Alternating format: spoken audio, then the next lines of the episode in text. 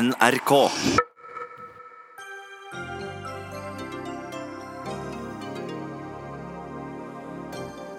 Pensjonistene kan tape hundretusenvis av kroner med Arbeiderpartiets nye forslag til pensjon, sier Høyre.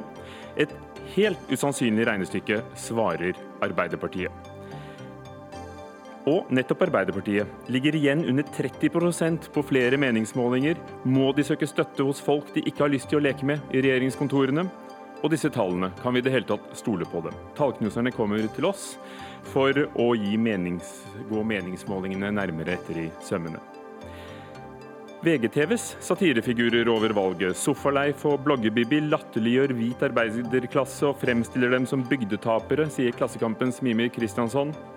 Taper kan du være sjøl, din surølslurpende hipsterfaen, svarer Sofaleif i dagens episode.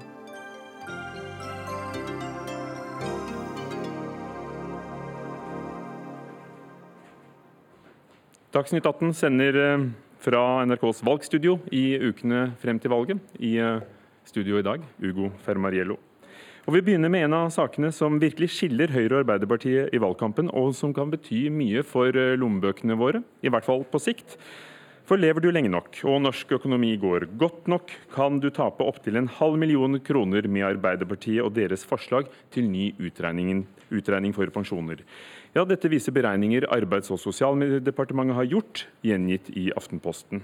Svein Flåtten, finanspolitisk talsmann i Høyre og medlem av finanskomiteen i Stortinget rett bak her. Det er du som ba om disse regnestykkene. Og, og hva viser det du har fått tilbake? Nei, de viser kort og godt at uh, pensjonistene med den ordningen som Arbeiderpartiet foreslår, ikke vil ta del i i veksten i økonomien, i en eventuell økning i lønnsveksten i årene fremover, og kan risikere i løpet av sin levetid å tape betydelige beløp. Og det har vært en diskusjon etter at Arbeiderpartiet la frem dette forslaget. Jeg har utfordret de på å vise hvilke konsekvenser denne modellen kan ha. Derfor spurte vi Arbeids- og sosialdepartementet om å regne på dette. Nå har vi fått svarene alt etter hvordan økonomien utvikler seg, hvordan lønnsveksten er, så vil de tape på det når tidene normaliserer seg igjen. For du hadde tydeligvis ikke tålmodighet til å, å vente på at Arbeiderpartiet svarte på utfordringen? Du fikk eh, så mye, tålmodighet, så mye tålmodighet har ingen.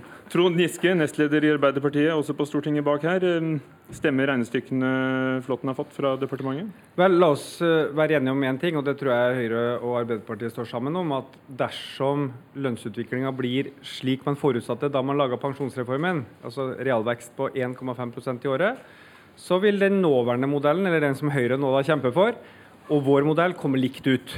Der er skjæringspunktet. Og, og, og, la meg skyte til, Det er fordi i dag, med pensjonsforliket, som dere begge eh, var enige om den gangen, eh, så får pensjonistene altså det lønnstakerne får, minus 0,75 ja. Mens dere vil at pensjonistene skal få halvparten av det lønnstakerne får, enten det er pluss ja. eller minus. Ja, og Grunnen til det var jo at vi har sett i tre år nå at eh, det vedtaket som ble gjort av Stortinget den gangen, har gitt et fullstendig urimelig utslag.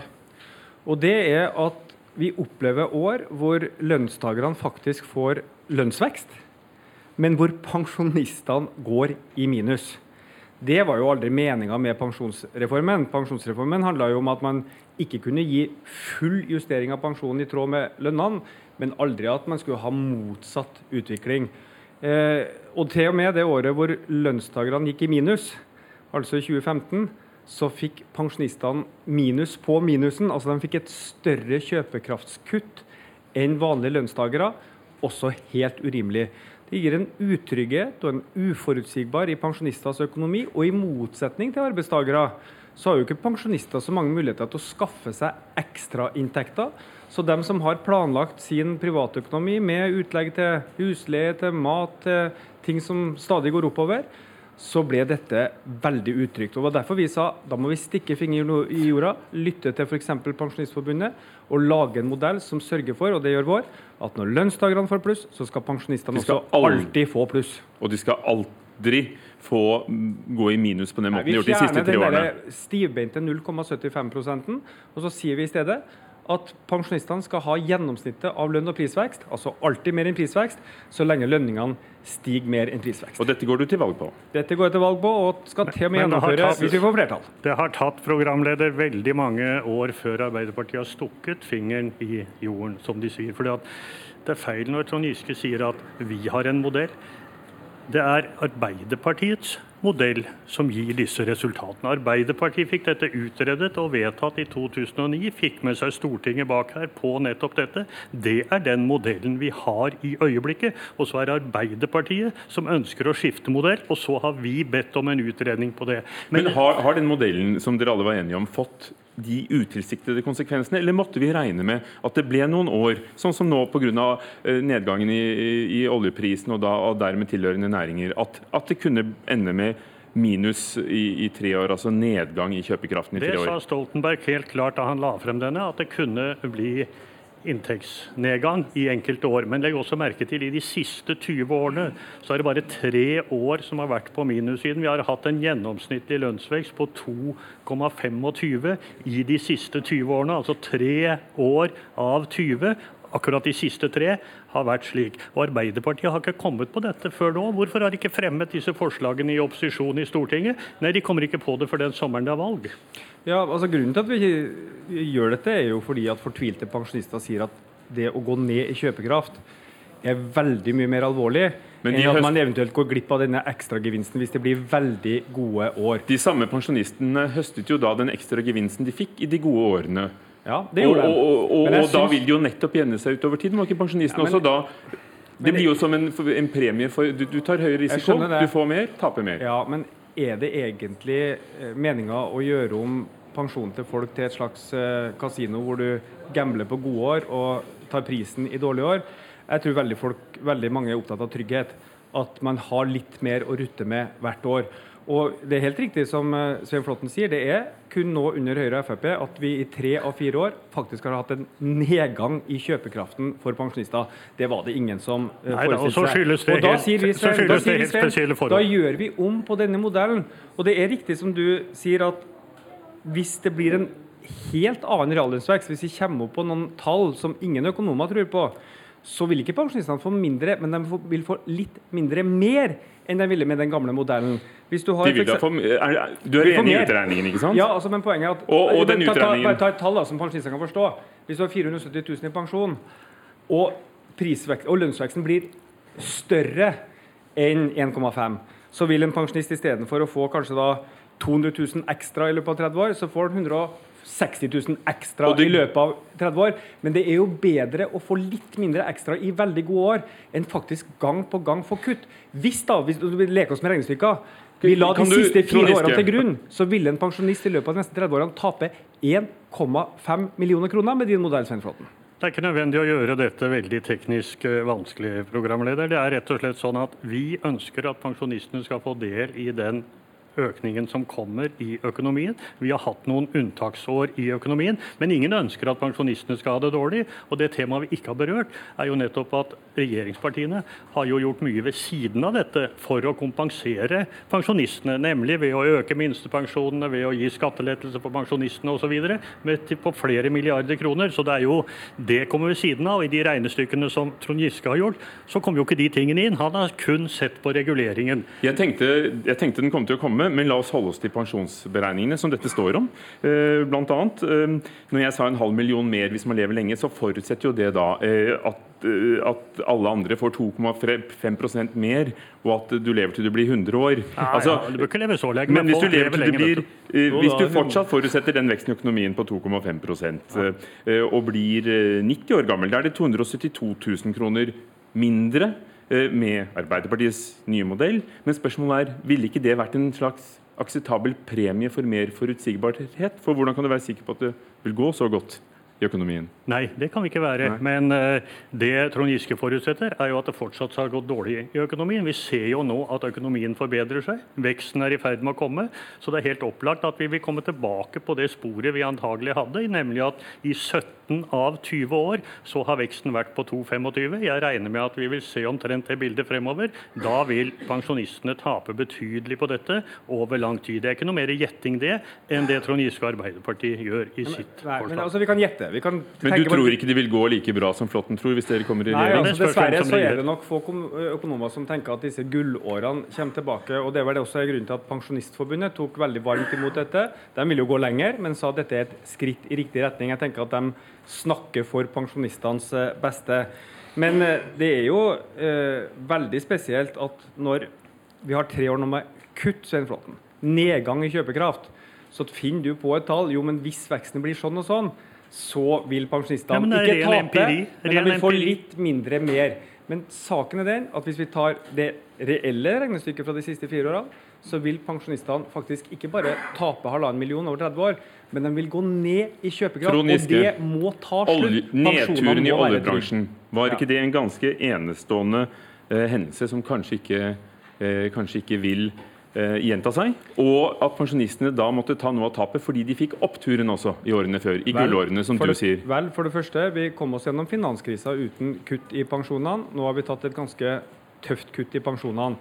Jeg tror mange er provosert over at pensjonister og lønnstakere viser masse moderasjon, går ned i kjøpekraft, og så skal de ikke få tryggheten tilbake. Isteden skal pengene som han var inne på, gå til store, nye skattekutt. Trygg pensjon, trygg eldreomsorg, gode velferdsordninger litt økning hvert år. Pensjonistene er ikke storforlangende, men de krever en trygghet og en forutsigbarhet i økonomien sin. Jeg skjønner at Arbeiderpartiet ikke vil vedkjenne seg sin egen modell, som de innførte i 2009, som har gitt disse resultatene i en del unntaksår. Så tror vi, og det tror de aller fleste, det tror eh, Norges Bank, det tror Statistisk sentralbyrå, at tidene kommer mer på skinner igjen. Vi ser jo allerede at veksten øker.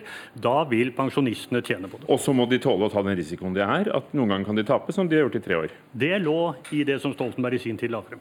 Takk skal dere ha. Svein Flåtten fra Høyre, Trond Giske fra Arbeiderpartiet. Dagsnytt 18 alle hverdager kl 18.00 på NRK P2 og NRK2.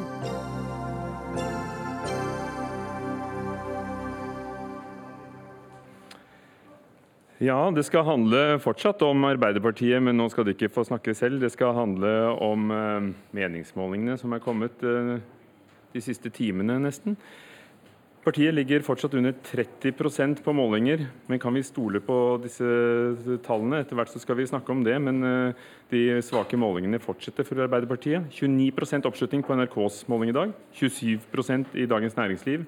Hvis dette slår til, blir det verken borgerlig eller rød-grønt flertall, eh, og Miljøpartiet De Grønne blir jokeren dersom Jonas Gahr Støre ønsker flertall. Lars Nehru Sand, vår kommentator her i NRK, Støre har jo sagt nei til regjeringssamarbeid med Miljøpartiet De Grønne. Det er helt utelukket. Um, så hvordan kan en regjering se ut da? Ja, Det kan jo bli en mindretallsregjering også ledet av eh, Støre. og Selv om verken han eller MDG eh, kanskje ser en Eh, det å sitte i regjering sammen som en, en uh, mulig utfall, så er det klart at Støre vil være avhengig av å ha 85 mandater og et flertall bak seg i all politikk han ønsker å få vedtatt i, i stortingssalen. Og, og, hva slags samarbeid det da uh, blir, det, det gjenstår jo å se dersom situasjonen skulle bli sånn som de aller fleste målingene. Den nå presentert uh, ti enkeltmålinger etter sommerferien, og på ni av de ligger Arbeiderpartiet under det relativt dårlige valgresultatet fra for fire år siden på 30,8% Tone Sofie Aglen, politisk redaktør i Adresseavisen. Du er med oss fra Trondheim. Ja, hvilke muligheter ser du? Nei, eh, Det er i hvert fall kommet en veldig sånn overraskende vending i valgkampen. For man trodde jo at etter sommerferien så ville Arbeiderpartiet og Høyre komme og prege valgkampen og dominere veldig mye. Og nå ser vi jo at det derimot er de her småpartiene, Miljøpartiet, Rødt og også SV, som har kommet som noen kuler og litt sånn uventa òg. For de har liksom vært uh, usynlige ganske lenge. Og jeg tror at dette er en veldig krevende situasjon for Arbeiderpartiet. De har jo liksom nettopp klart å komme seg litt ut av det her sentrumsflørten og, og dempa den litt. Og nå må de på en måte forholde seg til uh, andre partier når de egentlig helst skal snakke om seg sjøl. Jeg tror det er krevende for Ap, fordi for det første så flytter det jo oppmerksomheten. Og den tanken på at Arbeiderpartiet kan bli avhengig av Miljøpartiet, det tror jeg er et litt sånn skrekkscenario for mange sånn tradisjonelle Ap-velgere. For det er et parti som uh, mange liker, men det er også et parti som provoserer veldig mange. Og i tillegg så underbygger det litt det her bildet av et rød-grønt kaos hvor man ikke helt vet hva man får. Og vi ser litt sånn tendenser til at eh, Arbeiderpartiet blir angrepet fra alle sider og lekker litt i alle retninger. Ja, hvor, hvor, går velgerne, tror du, Lars Nehru? Ja, de går til disse eh, mindre partiene på venstresiden. og Det er det som egentlig er paradokset for Arbeiderpartiet. fordi at det, det, er fortsatt et flertall for å skifte ut dagens regjering, men de som ønsker å skifte den ut, ønsker ikke å stemme på det største opposisjonspartiet. og Det eh, gjør da at man heller velger SV og Rødt, som er tydeligere i, i ulikhetsspørsmålet, som jo Arbeiderpartiet går til valg på. De velger heller MDG, som er tydeligere i miljøpolitikken, eller de velger uh, Senterpartiet, som er tydeligere enn Arbeiderpartiet i, eh, i sentraliseringsmotstanden. Så det er rett og slett eh, andre partier enn Arbeiderpartiet som har vært flinkere til å være tydelige motstemmer til eh, regjeringen og presentere alternativ politikk fra den sittende regjeringen. Og det gjør det krevende for, for Arbeiderpartiet. Aglen, hva, hva, betyr det for Erna Solberg og, og regjeringskameratene? Ja, det er jo uh, påfallende stabilt da, på den borgerlige sida. Hvis du ser på Høyre sin uh, oppslutning uh, gjennom hele året, så ligger det jo veldig rundt 23% og det har det gjort i hele år. Og det samme gjelder Frp, som også er litt større svingninger, men også veldig stabilt. Og vi ser at begge de partiene har mange usikre velgere. De sliter litt med å mobilisere, og jeg syns i tillegg at Høyre har vært ganske usynlig og litt sånn defensiv i valgkampen. Det virker kanskje som de mest sitter på gjerdet og ser på at uh, Arbeiderpartiet sliter. Og man har jo kanskje trodd at bare Venstre kommer over sperregrensa, så skal det her ordne seg. Men nå ser det kanskje ut til at Venstre kanskje greier å karre seg over, men det er ikke nok. Jeg tror uh, regjeringspartiene er helt avhengig av å mobilisere skal de ha noen sjanse til å vinne det her valget. og Enten så må kanskje Høyre komme mer på banen og være mer offensiv, eller så Eh, fester man kanskje litt lit til at Frp vil klare å mobilisere flere velgere etter hvert. Ja, og Det er jo nettopp i forlengelsen av dette at det må også være et paradoks både for eh, Frp, men kanskje aller mest Høyre, at, eh, at, man i forrige valgkamp snakket mye om disse såkalte lilla-velgerne som ligger mellom Høyre og Arbeiderpartiet. Nå har Arbeiderpartiet da falt fra eh, litt over 40 til eh, under 30 uten at Høyre har gått markert eh, frem eh, av den grunn. Så, så på borgerlig side så er det jo det som preger, som, som Aglin sier, at de to part, eh, eller de to regjeringspartiene vokser ikke. Og når Venstre klarer å vokse, så, det sikkert, så kan det skje til ingen nytte, eh, slik flere enkeltmålinger har vist. Og også gjennomsnittet nå, da, at, at Venstre kan komme over 4% men at de fire partiene som har flertall nå, ikke får nok mandater til å beholde det flertallet, selv med Venstre over sperregrensen. Aglund, Det er jo spennende tider for, for kommentatorer og redaktører som dere. Men er det like spennende for politikerne, tror du? Jeg tror denne valgkampen er ekstremt spennende, for alt er så åpent. Både med hvem som skal samarbeide med hvem, og hvem som klarer å og finne den saken som treffer velgerne. Og så er jo veldig påfallende i år at det er en veldig sånn mangel på veldig tydelige, klare saker. Det syns jeg kanskje er det, det, mest påfallende. Litt sånn bortsett fra skatt, så er det litt sånn derre eh, metadebatter og litt sånn rare ting som har prega valgkampen. Men forandringer i pensjonsutregningene som vi akkurat hørte om, du tror ikke det vil slå an? For det er jo en ganske stor og viktig sak med, med mulig store konsekvenser for oss alle? Absolutt, men jeg tror det skal ganske mye til for at den type saker løftes og virkelig klarer å flytte. Eh, og da blir det veldig fort at det blir eh, sånn type meningsmålinger og regjeringsspørsmål som dominerer veldig. Og jeg klarer i hvert fall ikke å se noen sånn veldig tydelig tendens til at det vil komme en tydelig sak som skal mobilisere så mye som vi så at f.eks. Distrikt gjorde i vår og før sommeren. Har Senterpartibølgen lagt seg sånn? Ja, Det har den jo i den forstand at eh, et Senterparti opp mot 15% virker mindre sannsynlig, eller mye mindre sannsynlig enn før sommeren. Men det er klart at Senterpartiet kommer til å gjøre et veldig godt valg. De kan mer enn doble seg og kan meget vel komme over eh, 10 eh, som vil være et eh, bra resultat for Senterpartiet. Det kan, det kan fortsatt skje. Det var meningsmålingene. Takk skal du ha, Tone Sofie Aglen, politisk redaktør i Adresseavisen. Du blir litt til, Lars Sand, vår egen kommentator, for vi skal snakke om nettopp disse meningsmålingene. Kan vi stole på dem? Det må vi eh, spørre oss, eh, sier eh, professor i statsvitenskap Bernt Årdal ved Universitetet i Oslo. Han skriver om det i Aftenposten i går. Særlig etter at de så hvordan målinger og, prognoser bommet så det sang etter, både under brexit-avstemningen i Storbritannia og presidentvalget i USA. Ja, Bernt Årdal, kan vi stole på dem? Svaret er jo egentlig både ja og nei. Altså Hvis vi ser både på det som har skjedd i andre land, og vi ser også på de sprikene som vi har sett i Norge, både ved tidligere valg og vi ser tendenser til det nå, så kan man si at nei, vi kan ikke stole på dem. Men samtidig så viser det seg jo at hvis man ser disse målingene under ett, altså ser på gjennomsnitt, ser på tendenser, så har de jo faktisk truffet ganske godt ved tidligere norske valg. Så de har nok egentlig vært mye bedre enn det vi har sett i f.eks. USA og i hvert fall i Storbritannia de senere år. Du er jo opptatt uh, av feilmarginene. Uh, tar vi hensyn nok til dem, f.eks. når vi lager oppslag som, som i dag, om uh, at Arbeiderpartiet ligger under 30% at de små partiene på venstresiden gjør det bedre osv.? Altså det, det, jeg er fristet til å si, er jo et dundrende nei-svar på det spørsmålet. Men det er selvsagt nyanser, fordi at i noen tilfeller så gjør man det. Men, men det er jo altfor mye at man, mange tilfeller at man slår voldsomt opp eh, egentlig endringer som er innenfor feilmarginen. Og i denne kronikken som du nevner, så, så, er vi jo litt inne på det at det, det strider jo liksom mot journalistenes instinkter det at et stort resultat ikke skal være det som får det store oppslaget. Og særlig hvis det er litt uventet resultat. Men i, i denne verden med meningsmålinger så er jo det kanskje også en god regel å være ekstra varsom hvis det plutselig er noen svingninger som ikke er så lette å forklare. Og, så det er noe med den mer sånn faglige vinklingen, tilnærmingen til meningsmålinger, og den mer journalistiske, som er litt på kollisjonskurs. Og Hva er da forskjellen på meningsmålinger og det dere gjør? Anders Løland, du er assisterende forskningssjef ved Norsk regnesentral. Dere regner mye, har mye datakraft, men er også en forskningsstiftelse og står bak nettsiden 169.no, 169 som antall mandater i, i, i stortingssalen. Hva er forskjellen på det dere gjør og meningsmålinger? Ja, meningsmålingene måler jo nå stemningen akkurat nå, mens vi prøver å forutsi valgresultatet. Og det er en litt sånn uh, skummel øvelse. Uh, så det vi har gjort, er at vi har lagd en uh, statistisk eller maskinlæringsmodell. og så trent den opp på de siste tre valga. Brukt masse meningsmålinger og valgresultatet. Og så prøver vi å lage en modell som treffer best mulig, men samtidig er passe usikker. Sånn at vi kan si hva er sannsynligheten for at de blå-grønne beholder flertallet sitt, f.eks. Harmonerer de resultatene du regner deg frem til med meningsmålingene? Ja, altså Vår modell bruker jo meningsmålingene, men istedenfor å bare ta et enkelt gjennomsnitt, så vrir vi og vender litt på, på det. F.eks.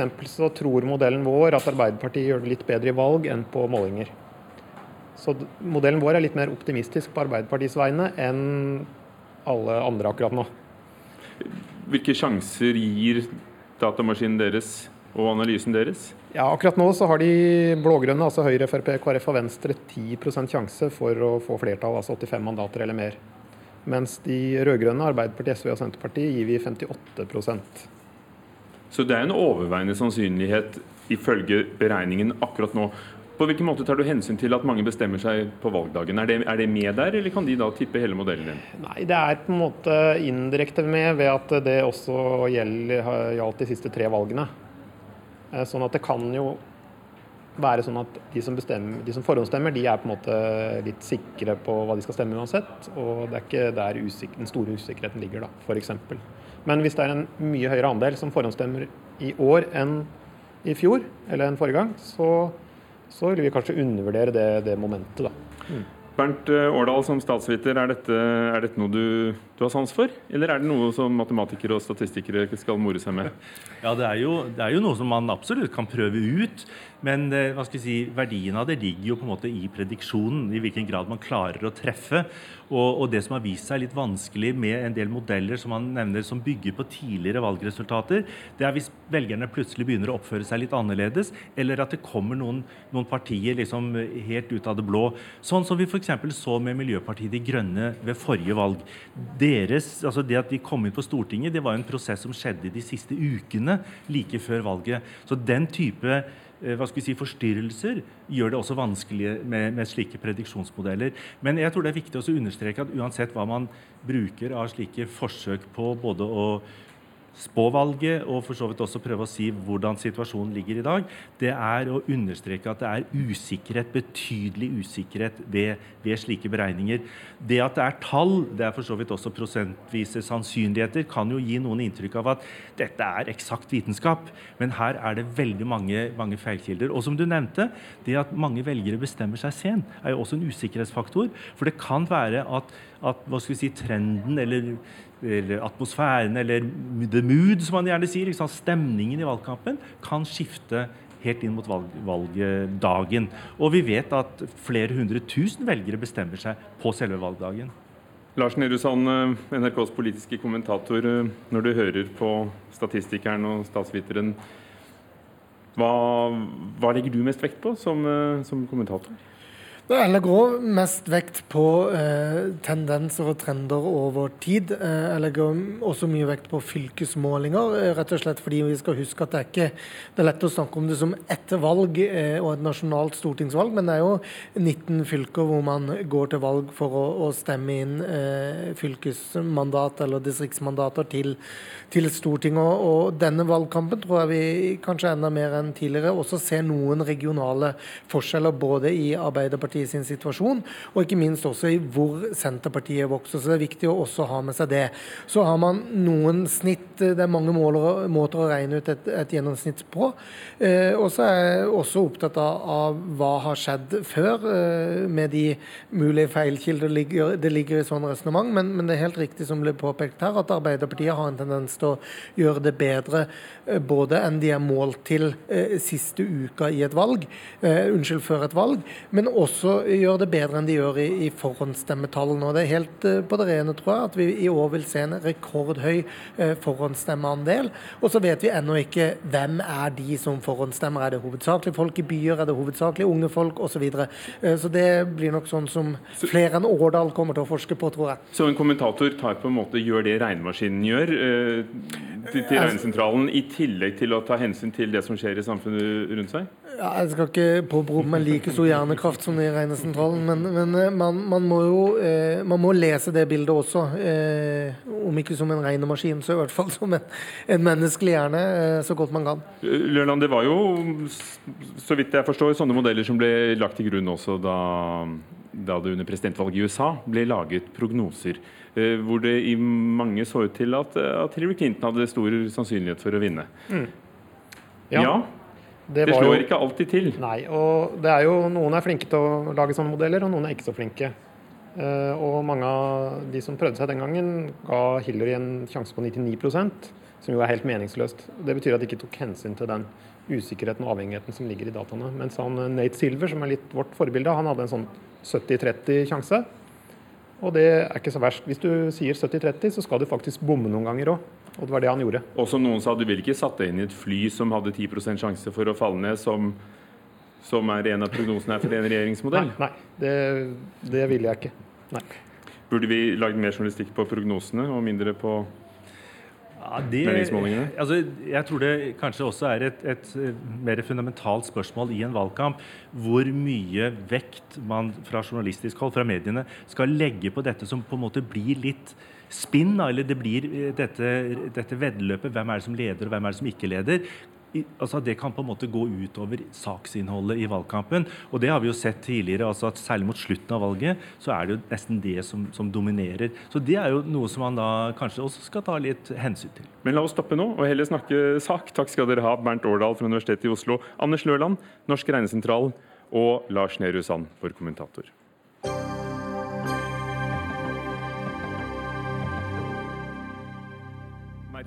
Oppmerksomme lyttere vil jo høre at Dagsnytt 18 låter noe uvant, og det er fordi Dagsnytt 18 sender fra vårt valgstudio, NRKs valgstudio utenfor Stortinget, utenfor Løvebakken i ukene frem til valget.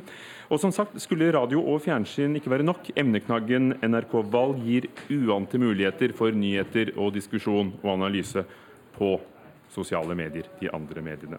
Men nå skal det altså handle om saken og om oljefondet. Framtiden i våre hender vil at oljefondet skal bruke en etisk indeks som rettesnor for investeringene.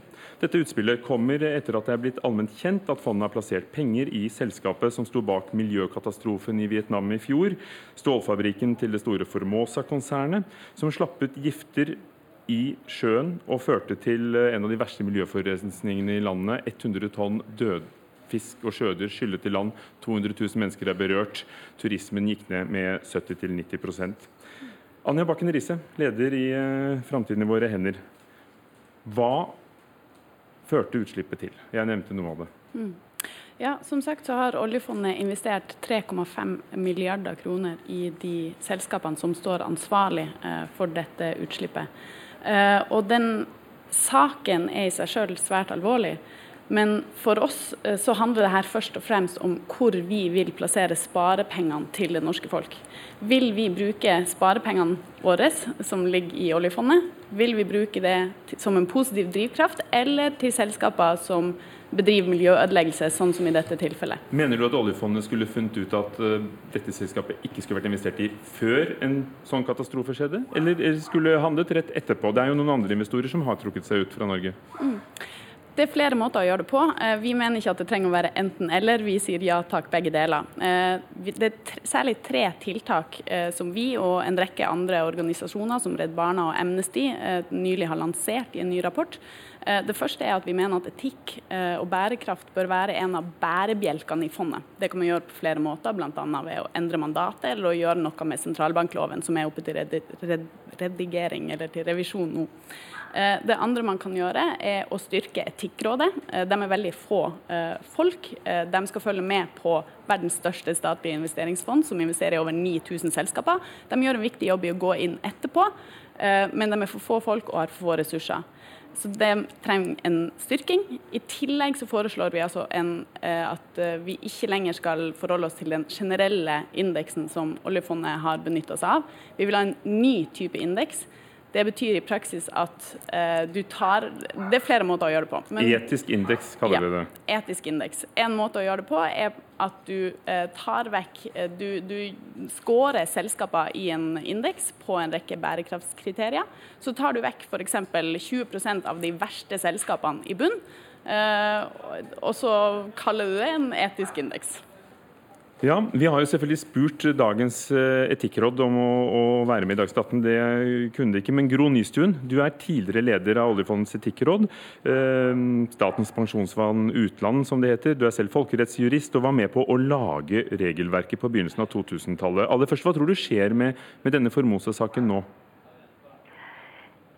Jeg vil jo gjette at Etikkrådet ser på den saken, eh, eller at de i hvert fall har sett på den. Nå tar jo saksbehandlingen i sånne saker eh, tid, eh, av mange grunner. Men jeg vil jo tippe at den, den er helt sikkert på radaren deres på et eller annet stadie. Hva tror du, som har bakgrunn for å se på nettopp hvordan vi, vi bruker sparepengene våre, pensjonspengene våre, er mulig å, å gjennomføre av de forslagene Framtiden våre hender lanserer?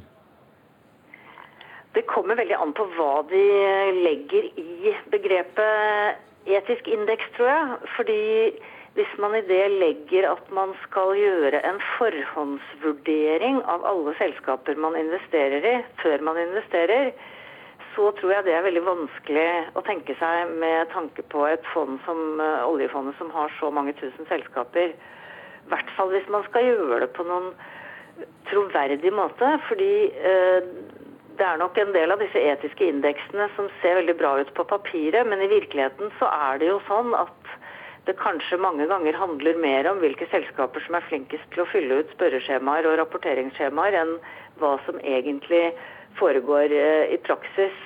Og Mange av disse etiske indeksene er jo basert på nettopp det, at selskapene fyller ut spørreskjemaer som er, kan være veldig krevende uh, å gjøre. Og, og det er ikke nødvendigvis en refleksjon av hvordan selskapene er i praksis. Så det Etikkrådet gjør, er jo at de undersøker selskaper veldig nøye, men de gjør det i ettertid, altså etter at fondet har investert i dem. Og da vil man kunne finne ut ganske mye om enkeltsaker. Mener du at det er godt nok, regelverket og praktiseringen vi har i dag? Jeg eh, mener ikke så mye om det, men jeg kan si at det regelverket vi har i dag er, var et politisk kompromiss den gangen det ble laget, og det tror jeg fortsatt gjelder. Altså Noen syns at uh, regelverket er uh, altfor omfattende, og noen syns at det ikke er omfattende nok. Så jeg tror det. Jeg tror det ligger omtrent der hvor det kan ligge, for å si det sånn, da, i en norsk kontekst. Men, men, tror du f.eks. For Formosa-saken, en sånn miljøkatastrofe som dette har vært, eh, med etter, fortielse etterpå og, og krangel om erstatning og opprydning, vil det være nok? Tror du med din erfaring? Det kommer an på om det er et enkeltstående tilfelle, eller om det er et mønster av den type tilfeller i det selskapet. Og Hvis det er det siste, så vil det være nok. For dette er jo veldig alvorlig. Det er, det er helseskader, irreversible virkninger osv. Så, videre, så det vil nok uh, bli oppfattet som et grovt miljøbrudd. Uh, men, men, hvis det er et, en enkelthendelse, så vil det gjerne ikke være nok. Fordi at Etikkrådet bare kan foreslå utelukkelse av selskaper hvor de tror at dette også kommer til å skje framover i tid. Riise, disse etiske indeksene, hvordan skal du stole noe mer på dem? At det ikke bare er spørreskjemaer en compliance-direktør i et firma har klart å fylle ut? Mm. Først og fremst så vil jeg bare understreke at uh, det her er ikke Etikkrådet uh, sitt ansvar. og Det er jo først og fremst stortingspolitikerne våre som har ansvar for forvaltninga av fondet. og Det burde for så vidt vært noen av dem her i dag også. Um, men vi mener som sagt ikke at det her er en enten-eller. Eh, vi tror at det vil være en, en kraftig forbedring av den, den bærekraftige forvaltninga av oljefondet dersom man fikk på plass en screening akkurat hvordan det skulle gjøre, altså en screening i form av en etisk indeks, så, så hever du terskelen for hvilken type selskaper vi overhodet går inn i. Vi overhodet plasserer norske folk sine sparepenger i. Samtidig så skal de tjene penger. Det er over 8 billioner kroner stort nå, og de hadde sitt beste halvårsresultat i fondets historie. Eh, vil du kompromisse med det? Det er gjort en rekke analyser som tyder på at hvis eh, oljefondet hadde vært mindre investert i olje, kull og gass, eh, eller olje og gass nå, siden de har slutta å investere i de fleste kullselskapene, så ville de ha stått igjen med en bedre avkastning. Eh, så det vi ser også, er jo at f.eks. dette svenske, eh, dette sveitsiske forsikringsfondet eh, Swiss RE, de har oppretta en etisk indeks som de nå følger. De sier at de gjør det like så mye av finansielle årsaker som de etiske. Det samme gjør Storebrand eh, i Norge, fordi de mener at eh, avkastninga de får ved å investere mer bærekraftig, er bedre enn dersom de ikke hadde gjort det. Så neste omgang blir med politikerne. Takk skal du ha. Anja Bakken Riise, leder i Framtiden våre hender, og Gro Nystuven, tidligere leder av Etikkrådet og ikke minst eh, folkerettsjurist.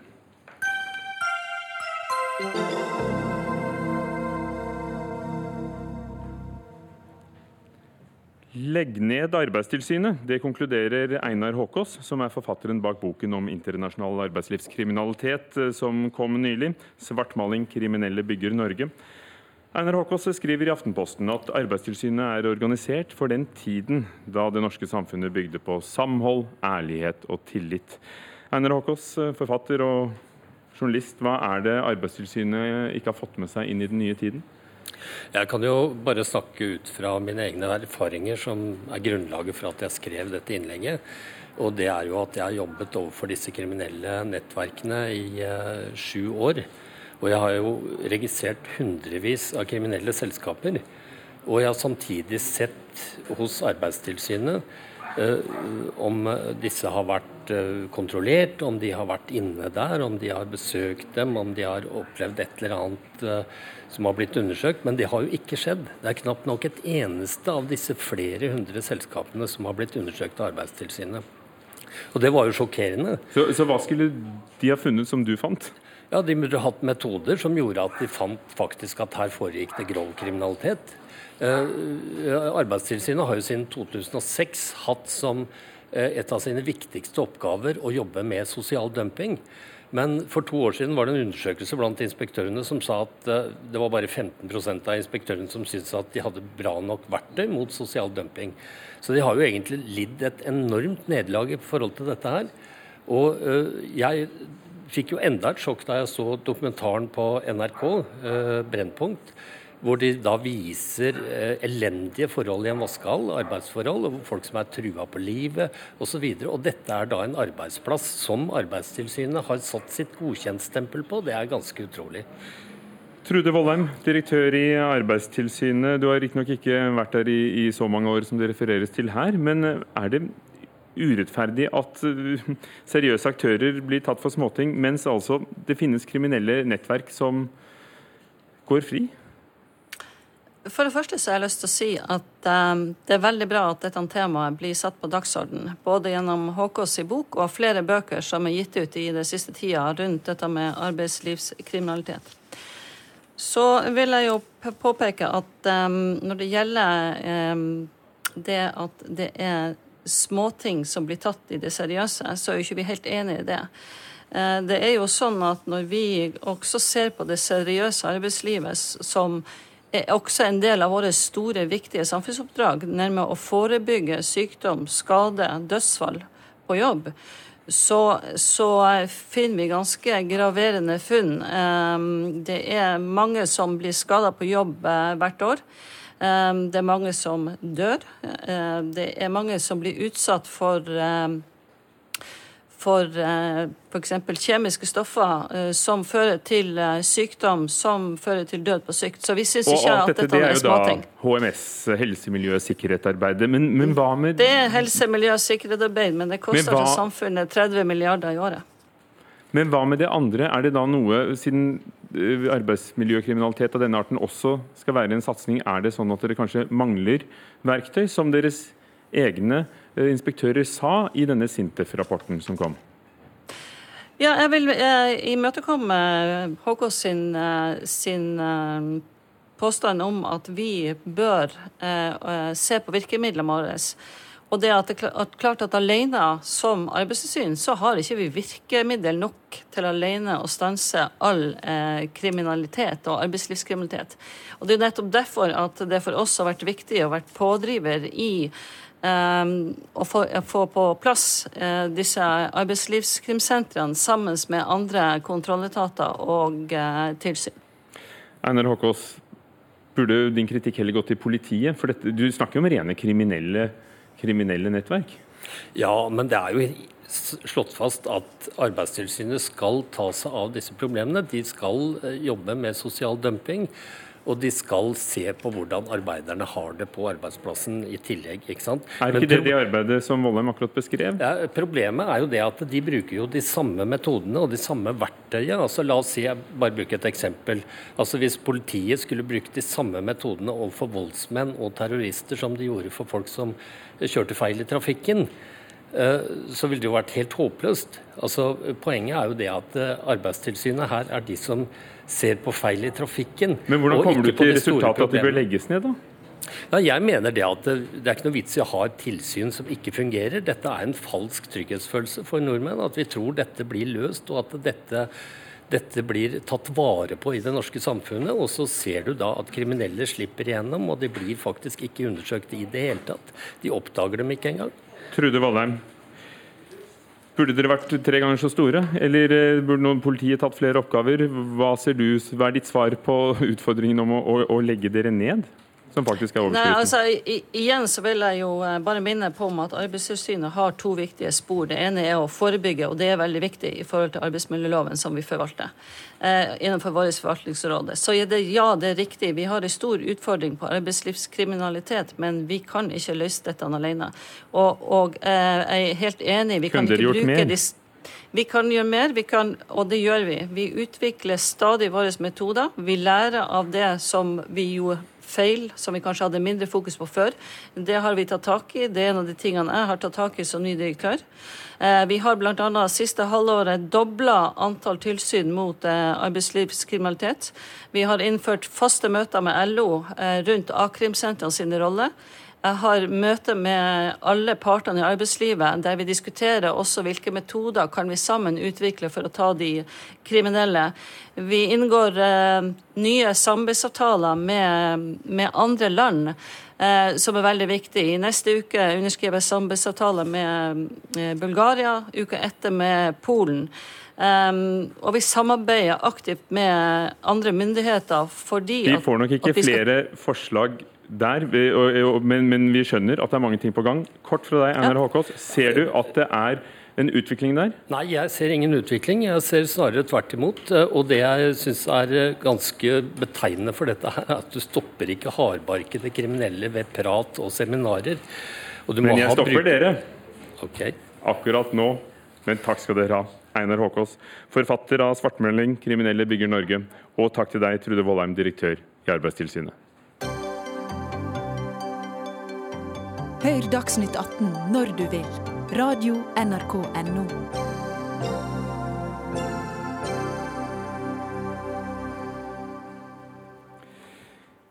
De deler mål og virkelighetsbeskrivelse. Begge mener at klimatrusselen er overhengende og må gjøres noe med, men når det kommer til virkemidlene og analysen, så skiller de lag. Og vi snakker om Rødt på den ene siden og Miljøpartiet De Grønne på den andre.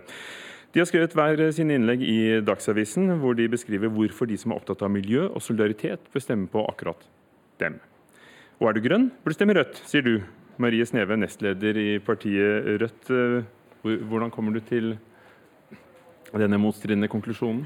Eh, fargemessig så høres det kanskje motstridende, men for meg så er det en helt logisk eh, konklusjon. Jeg er en av de veldig mange som har jobba i miljøbevegelsen lenge, og som setter miljø øverst på dagsordenen for meg sjøl, og som har funnet ut at Rødt er det partiet jeg mener har best miljøpolitikk, men ikke minst også har størst forutsetninger for å få gjennomslag for den miljøpolitikken. Og Den korte, eh, korte fortellinga hvorfor det, er jo det veldig enkle regnestykket at vi har en økonomi som er basert på evig vekst, og så har vi en klode med begrensa ressurser. og for meg så er det et regnestykke som ikke går opp. og Derfor er vi nødt til å også ta et tak med eh, de økonomiske systemene, men ikke minst fordele ressursene mer rettferdig. Fordi Hvis økonomien ikke kan vokse, så blir det veldig viktig eh, forskjell på fattig og rik, forskjell på hvem som har makt og hvem som skal bestemme hvem de begrensa ressursene vi har, går til. og Derfor så må for meg en ordentlig miljøpolitikk være rød for å kunne være virkelig. Og da Eivind Tredal, stortingskandidat for Miljøpartiet De Grønne, nytter ikke å være blokkuavhengig hvis du skal tenke på politiet, hvis du mener at, at vi faktisk ikke skal gå for økonomisk vekst og, og ja, ha en helt annen modell? Ja, det spørs jo. Altså, vi ser jo at miljøengasjementet fordeler seg ganske jevnt uh, i det politiske landskapet. Vi har hatt veldig godt samarbeid med miljøengasjerte partier på begge sider. Uh, vi hadde bl.a. et forslag om bruttonasjonal lykke istedenfor bruttonasjonalt produkt sammen med KrF nå i forrige stortingsperiode. Så vi ser jo at miljøengasjementet uh, sprer seg utover. Og så tror jeg eh, det er på en måte Jeg har veldig lite lyst til å krangle mye med Rødt i denne valgkampen, for vi har egentlig en veldig overlappende politikk på miljøsida. Så er vi uenige i en del virkemidler. Men det jeg opplever som en utfordring for mange små partier som er opptatt av miljø, inkludert Rødt, er jo at man setter andre saker først i valgkampen, og også i forhandlingskrav til de andre partiene. Uh, og Jeg er jo litt bekymra for at Rødt nå uh, mener at en endring av barnehageloven er deres ultimatum for Støre. så vidt jeg forstår. Uh, for oss så er det da en endring i oljepolitikken. Og så håper jo jeg at Rødt også er med på å sette en, et ultimatum til de store partiene der. Fordi vi trenger en endring i oljepolitikken aller mest. for der er dere knallharde? Ja, Det er den største solidaritetssaken i vår tid. Altså Hvis vi ikke klarer å slutte å utvinne mer olje og selge det til utlandet, hvis vi ikke klarer å finne nye bein å stå på, så er det den aller største uretten vi kan gjøre i vår generasjon, mener jeg. og Derfor så setter jo også vi den saken aller først. Marie Sneve, ja, Dere er jo ikke så stort parti at kanskje dere må prioritere knallhardt. Og er det da miljøet som står i Først må jeg jo eh, takke for at Eivind la inn eh, leddsetninga, så vidt jeg har forstått. Fordi du har åpenbart ikke forstått riktig. Eh, Rødt har ikke satt ett ultimatum for å samarbeide med en større regjering, og det er barnehageloven. Rødt har ikke stilt noen ultimatum. Vi har stilt ett kjempelite, kjempelett krav å opp, oppnå for Støre for at vi i det hele tatt skal starte forhandlingene. Og hvorfor har vi gjort det? Det er jo det fordi vi mener at ultimatum i forkant av et valg er en måte, forenkling av politikken. For oss er vi er helt enige med oljepolitikken til MDG, men vi stiller ikke ultimatum på det. Vi vil heller ta det i forhandlinger. Hvorfor da? Jo, for hva gjør du da hvis du har stilt ultimatum? Ingen nye leiteblokker til noen som helst. Og så kommer eh, Arbeiderpartiet og sier sånn OK, vi går med på det, men vi skal ha én blokk. Vi skal ha én blokk, liksom. Skal du enten si sånn nei, no way, det var et ultimatum, vi vil ikke ha det. Da har du eh, holdt på løftet ditt, men du har ikke fått en gigantisk omlegging av norsk oljepolitikk. Eller to, skal du gi deg på det, og da har du brutt løftet ditt. Fordi For Rødt så er det veldig viktig å ikke love ting før valget som vi ikke kan stå for etter valget. og Derfor så stiller vi ingen ultimatum på den måten. Litt realpolitikk, Eivind Treholt? Ja, altså Det er jo kjempeinteressant å bli uh, fortalt om realpolitikk og moderasjon fra partiet Rødt. Uh, så der er vi åpenbart litt mer radikale i, i det grønne på miljøpolitikken. Hvor mange folk på oljeplattformene tror du vil stemme på dere? Altså Inntil videre så ser vi jo at vi har mista 50 000 jobber i oljebransjen allerede. Og mange av de finner allerede nye jobber. Og så ser vi at økonomien dessverre eh, kan gå, gå, dårlig på mange av de feltene vi allerede har. Så vi frykter jo at vi kommer til å ha en svær eh, ras i arbeidsplasser i oljenæringa uansett hva vi gjør. Så vårt mål har jo vært en planmessig overgang til eh, nye arbeidsplasser, som, som, ikke bare skjer ved hjelp av markedskreftenes frispill, noe jeg tror Rødt også er enig i ikke er den aller beste metoden for å stille om landet vårt. Når oljeprisen raser og masse mennesker mister jobben over kort tid, så er det en eh, utvikling som, som, ikke lar seg kontrollere lett, og som, som gir oss mye større utfordringer. Marie Snev, du mener at han stiller ultimatum som ikke fører noen sted hen. Tvert imot virker mot sin hensikt. Men, men, dere står ganske alene om å ville legge om hele kapitalismen til et system uten økonomisk vekst. Er ikke det også noe som virker mot sin hensikt i miljøpolitikken? Det er jo det heller ikke ultimatumet vårt for å drive realpolitikk, at vi skal legge om kapitalismen. Og Det er jo ofte det som er første kritikken mot Rødt, at vi ønsker å gjøre ingenting før revolusjonen er gjennomført. Eh, og Det er jo ikke tilfellet. Vi er jo enige i at klimautfordringene og økende ulikhet er de største utfordringene som vi står overfor nå som menneskehet. Og vi har så dårlig tid at vi allerede for sent ute. Eh, og For å få til det så kan vi verken vente på den perfekte teknologien og elektriske fly som går på luft og kjærlighet, eller det perfekte samfunnet. Så da er vi nødt til å gjøre ting innenfor dagens system. men der det er en god eh, nyhet her. og det er det at Flere miljøpartier vokser nå. Både SV, Rødt og MDG vokser. Og det som er interessant for Rødt, er at vi mobiliserer veldig mange av dem som ikke stemte forrige valg. og Jeg tror at det er fordi vi faktisk tør å snakke om ting som kapitalisme og makt i et stortingsvalg. Og for så det Venstre er ikke et miljøparti for deg, som de selv hevder? Nei, faktisk ikke. Eh, så vil jeg påstå at hvis man er for eh, måte, frie markedskrefter, og den eneste miljøpolitikken man har, er på en måte å kanskje si nei til uh, Lofoten, Vesterålen og Senja, men samtidig peise på med resten, så er man men ikke Men for deg så er Venstre et miljøparti, Tredal? Eh, ja, altså vi er veldig har i hvert fall gode erfaringer med at både Venstre, KrF og flere folk i de større partiene også er eh, miljøengasjerte. Og vi er jo redd for at blokkpolitikken og ideen om at alt bare finnes på høyre-venstre-skalaen, blokkerer eh, en god miljøpolitikk hvor man faktisk tar med alle gode krefter. Derfor så er vi åpne for å samarbeide med alle, men vi stiller veldig klare og tydelige krav til hva slags samarbeid vi ønsker oss. Og da er nødvendigvis en omstilling av oljepolitikken litt viktigere enn en omstilling av barnehagepolitikken, mener vi i dette valget. Men er dere opptatt av honnørordene solidaritet og Ja, i høyeste grad. Og vi mener jo som sagt at den aller viktigste solidaritetspolitikken i dag er å føre en bedre klima- og miljøpolitikk. Det er allerede den største kilden til flyktninger i verden, og det er den største kilden til urettferdighet også i framtida. Han har et globalt perspektiv, sier han. Han har det, men så prioriterer han jo ultimatumet sitt eh, ikke det. Og f.eks. så går jo MDG inn for å berettige fortsette å være medlem i Nato, som eh, går inn for krigføring. Ikke noen flere eksempler nå. Takk skal dere ha. Maria Sneve, nestleder i Rødt. Eivind Tredal, stortingskandidat for De Grønne.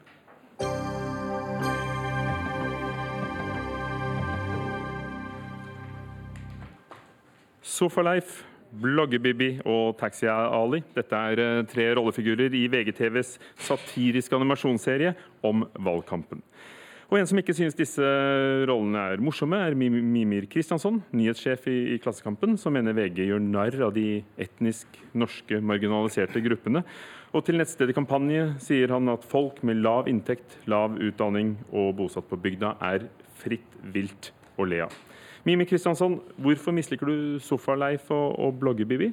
Bare for å si en ting først. Mitt uh, ærend er ikke å kritisere kvaliteten på den humoren. Den er morsom nok for meg, så det er ikke det som er poenget. Og det er heller ikke noe krenkende eller noe hatefulle ytringer noe i den dør.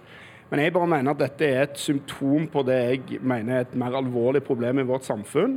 Og det er at når man f.eks. Eh, gjør narr av eller lager en stereotypi av etniske, religiøse, eh, seksuelle minoriteter, da har man alltid en debatt om hvor grensene går. Disse gruppene har lovvern, og bra er det, og mange eh, tar opp ord og diskuterer. Men når man gjør narr av denne typen grupper, altså dumme Frp-velgere, rasister i kommentarfeltet som ikke kan stave skikkelig, eh, trygda folk, som NRK gjør med Trygdebeistet, eh, forblåste rosabloggere, sånn som denne bloggebibbi. Når man gjør narr av disse gruppene, da er PK-refleksen motsatt. Da sitter alle PK-folka, sånne som er i dette studioet jevnlig, og ler og koser seg og morer seg. Og disse gruppene kan vi le av sammen, og ikke bare kan vi le av dem. Vi kan føle oss gode mens vi gjør det, fordi de har så mye dårligere moral og verdier enn oss. Og Det syns jeg er interessant å peke på. Rolf, Rolf Sønsterli, du er redaksjonssjef i, i, i, VGTV. Lager dere humor for de politisk korrekte og, og sparker på grupper som uh som ikke tar til motmæle?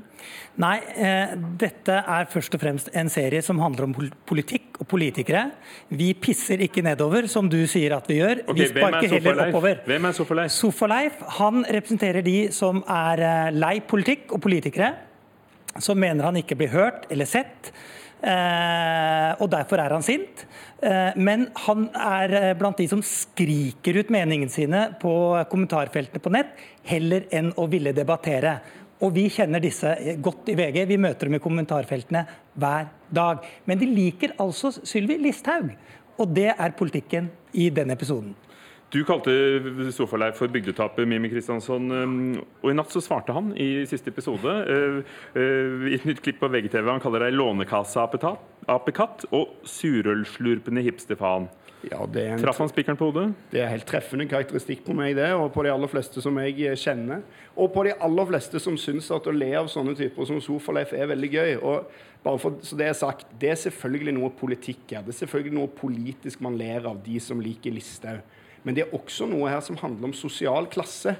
Det finnes masse folk som liker Sylvi Listhaug i Norge alle har ikke sjømannstatoveringer, sånn som Sofaleif. Alle sitter ikke i lenestolen, stresslessen hjemme foran TV-en. Alle har ikke den interiørsmaken som det huset hans er innreda i. Sånn at her knytter man sammen politiske standpunkter med befolkningsgrupper. Og Det jeg tror er farlig med dette, og vi hadde dette problemet enda mer i Norge før, så vi har bedret oss på det, men problemet med dette er at vi fremmedgjør store grupper fra mediene, fra debatten, fra politikken. Og Frp-velgerne har i alle år blitt mobba, i mine øyne, hetsa for å være dumme. Og sånne som meg er liksom de verste synderne for all del. VG er mye bedre. Men dette må man altså slutte med, og prøve å ta disse gruppene i større grad på alvor. Men det er altså du som stempler dem som dumme, som tapere og som white trash, ikke vi. Disse, disse, er i kommentarfeltene. Disse representerer ikke alle de underprivilegerte i Norge. Du legger altfor mye alvor i denne satiriske og humoristiske serien. Du legger altfor mye i det. Du overtolker, og du skyter spurver med kanoner. Hva vil dere med serien? Vi ønsker å engasjere unge mennesker i valgkampen. Så dette er ett grep vi gjør eh, for det. Og eh, det er viktig. Og vi bruker da humor og satire som et virkemiddel i det. Mer alvorlig er det altså ikke. Altså, men du gjerne, ser, du ja, ser noe mer alvorlig i, i, den blonde bimboen eh, Blogge-Bibi? Absolutt, men jeg kan gjerne gå med på at denne serien er ikke noe alvorlig. Den er ikke noe stort overgrep mot noen. Men jeg mener at det er et interessant symptom. Men hvorfor tar du ikke opp figuren Taxi Ali, Ali for eksempel, som kjører rundt med Jonas Gahr Støre i baksetet? I Taxi Ali-sketsjen med, med, han, så er altså vitsen utelukkende på Jonas Gahr Støres bekostning. Og det antar jeg er fordi at man i VG har tenkt at det blir for frekt å tulle f.eks. med at en taxisjåfør som er utlending, ikke kan noe om politikk. Fordi de det vil være nedsettende. Men når man skal tulle med en rosablogger altså som ikke har peiling på hva valget står om, og sånn, da er det fritt fram. Jeg syns det er interessant å snakke om, og jeg er helt enig. Nå blir det, framstår det som jeg legger altfor mye i denne serien, men jeg mener denne serien er et symptom på visse holdninger som finnes i mediene, i skravleklassen, i mangel av bedre ord, og det er at mange folk der ute rett og slett er dumme, og det dere, eh, mener jeg er feil. Dere torde ikke å, å drite ut Taxi Ali? Eh, Taxi-Ali er, eh, er, eh, uttrykk for en situasjon vi trenger for at politikere skal kunne framstå. Så han plukker opp politikere på Stortinget, mm. og så er politikere baksetet på bilen. Så er det sånn at flest taxisjåfører har en annen etnisk opprinnelse. That's it. Ali er, handler ikke om utfarge for oss i, i, i den karakteren. Men episoden om, eh, om Sofaleif, hvem handler den mest om? Handler den om Sofaleif? Eller handler den om Listhaug? Den handler om Listhaug. Det er politikken i det. og Derfor er dette en politisk serie, og ikke et, et spark til de underprivilegerte.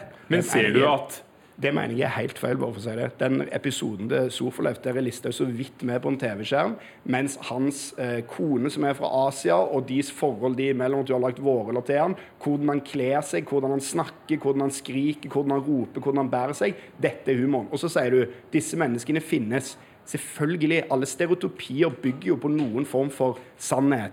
Men jeg mener her at dere har konstruert altså en stereotypi, tatt ut liksom den pureste essensen av det, og lar det på en måte stå som et, et bilde på alle Listhaugs velgere. Nei, alle som nei, det gjør vi ikke. Det gjør vi overhodet ikke. Det, det, det, alt dette er jo valg som er gjort. Ja. De sier jo noe kanskje mer enn en det du hadde tenkt på. Det er mange som stemmer Listhaug og Frp, men denne gruppen gjør det også. Og den er ikke uviktig. Det viser f.eks. valget i USA. Mm. Eh, så vi løfter de fram. Men det er altså ikke vi som fordømmer dem. Det er det du som gjør, som kaller dem tapere, white trash og dumme. Alle som har sett den, det klippet, vil skjønne at dette er ikke en spesiell fordelaktig bilde av den gruppa, og det trenger man ikke å være noe smart for å skjønne. Dette Takk. er det VG som prøver å drite ut, en gruppe mennesker Nei. som de syns lukter. Skal dere ha Mimi Kristiansson, nyhetssjef i Klassekampen, Rolf Sønsterli, redaksjonssjef i VGTV. Frode Thorshaug var ansvarlig for teknikken her i Dagsnytt 18 fra NRKs valgstudio, og Fredrik Lauritzen for det hele. Takk for i dag.